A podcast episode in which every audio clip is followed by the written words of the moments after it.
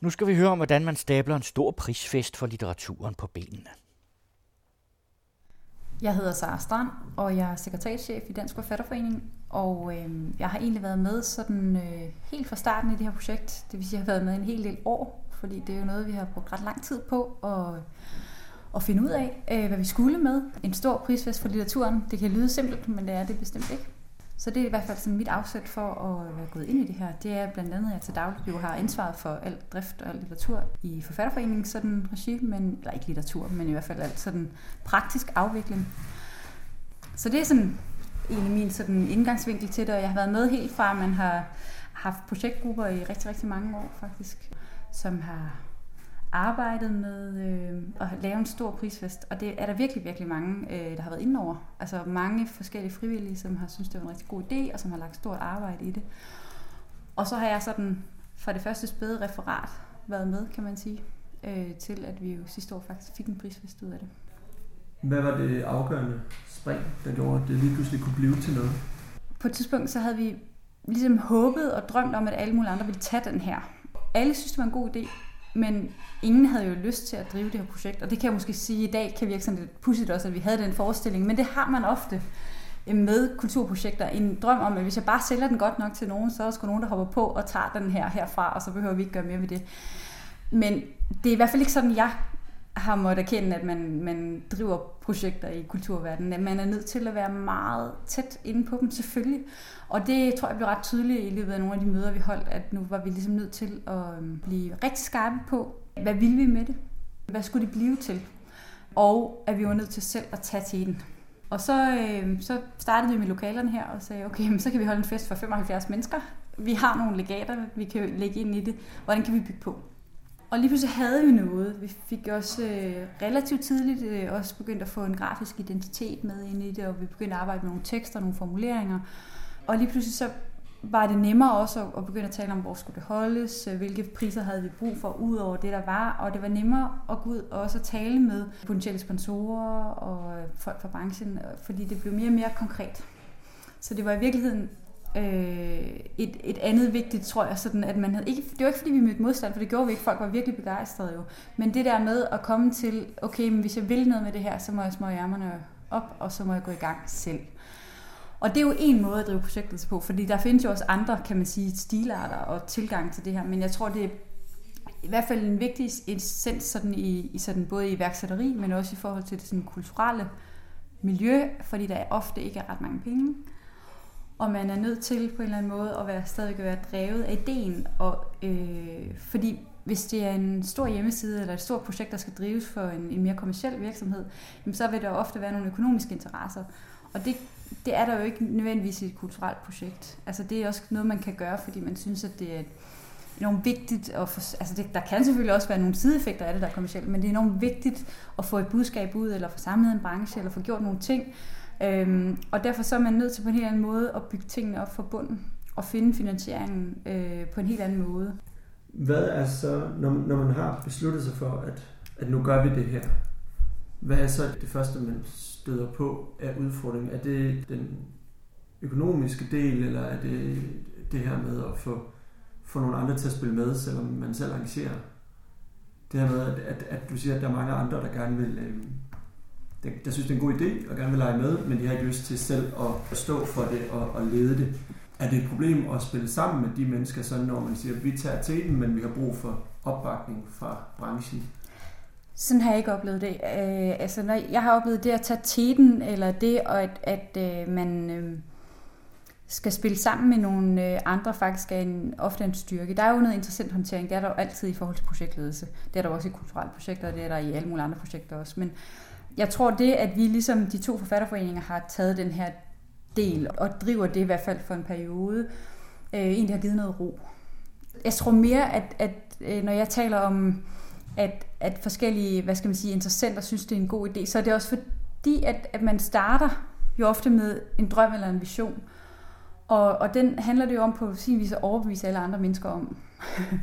og på den anden side, så er det jo også at få den prøvet og testet. Og når alle andre ikke nødvendigvis, altså, de synes, det er en god idé, men ikke synes, at det er deres projekt, så står man jo i et dilemma, ikke? Altså, skal man blive ved med at sælge den ind, til det bliver deres projekt, økonomisk eller øh, arbejdsmæssigt, eller skal man øh, tage den på sig og, øh, og sige, så må vi løse det.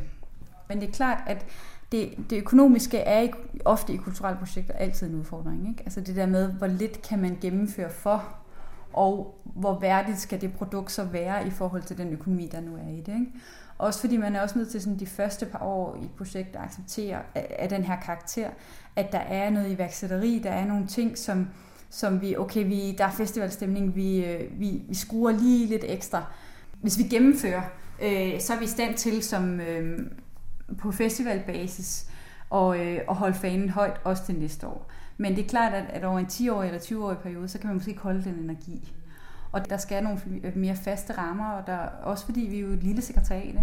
Ikke? Øhm, så det er et meget stort projekt for os at drive ved siden af andre store projekter, som også øh, er vigtige for litteraturen. Ikke?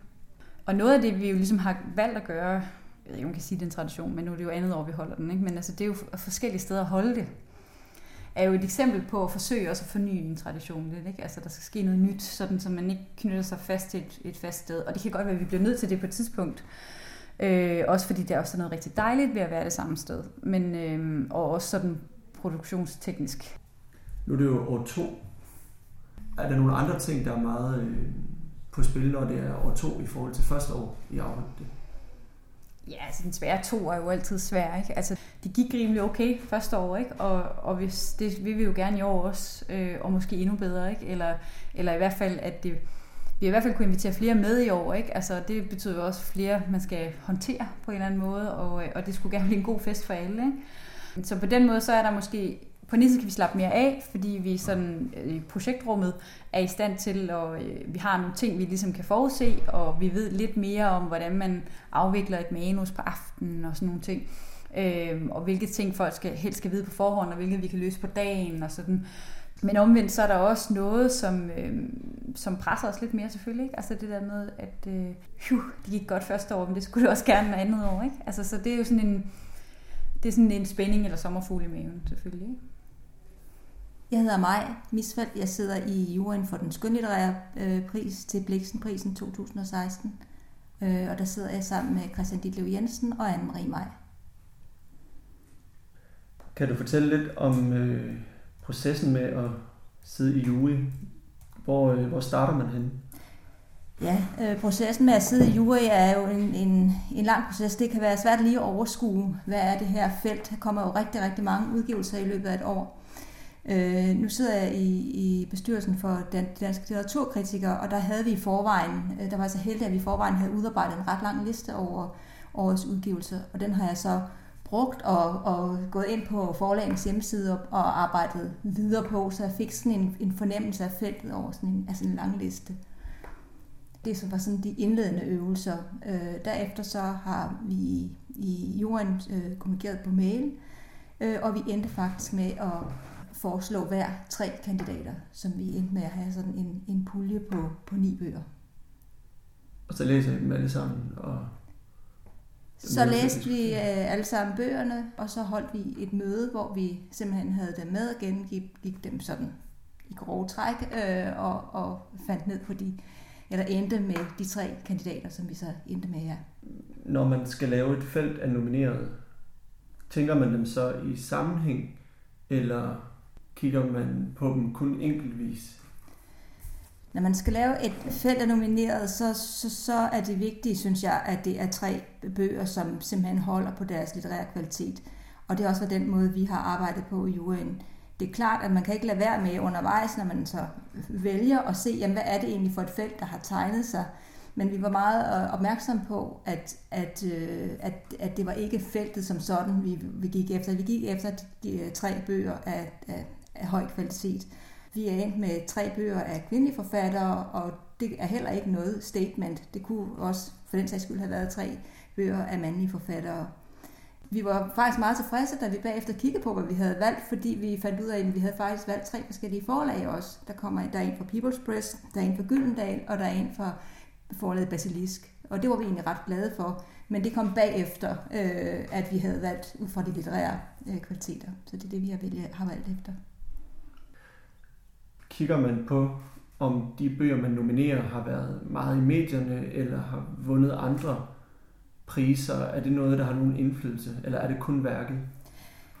Som jeg ser det, er det kun, er det kun værket, øh, der, der tæller. Det er klart, man kan ikke undse sig, at, at, at jo mere ting har været i medierne, jo mere er man måske blevet opmærksom på det, men vi har, vi har bestræbt os på, at det, har, at det skulle kun være værkerne, at det skulle være værkernes kvalitet i sig selv, som, øh, som vi er gået efter, og heller ikke om de havde fået andre priser i forvejen. Altså det må, det må være det enkelte værk, og hvis nu det er et vanvittigt godt værk, så kan det være, at det har fået mange priser. Øhm, så ja, det, det er det, vi er gået efter. Måske skal du lige bare lige sige, hvem der er nomineret. Ja, vi øh, nominerede Trisse Geil for romanen Ulvekvinten, som kom på People's Press.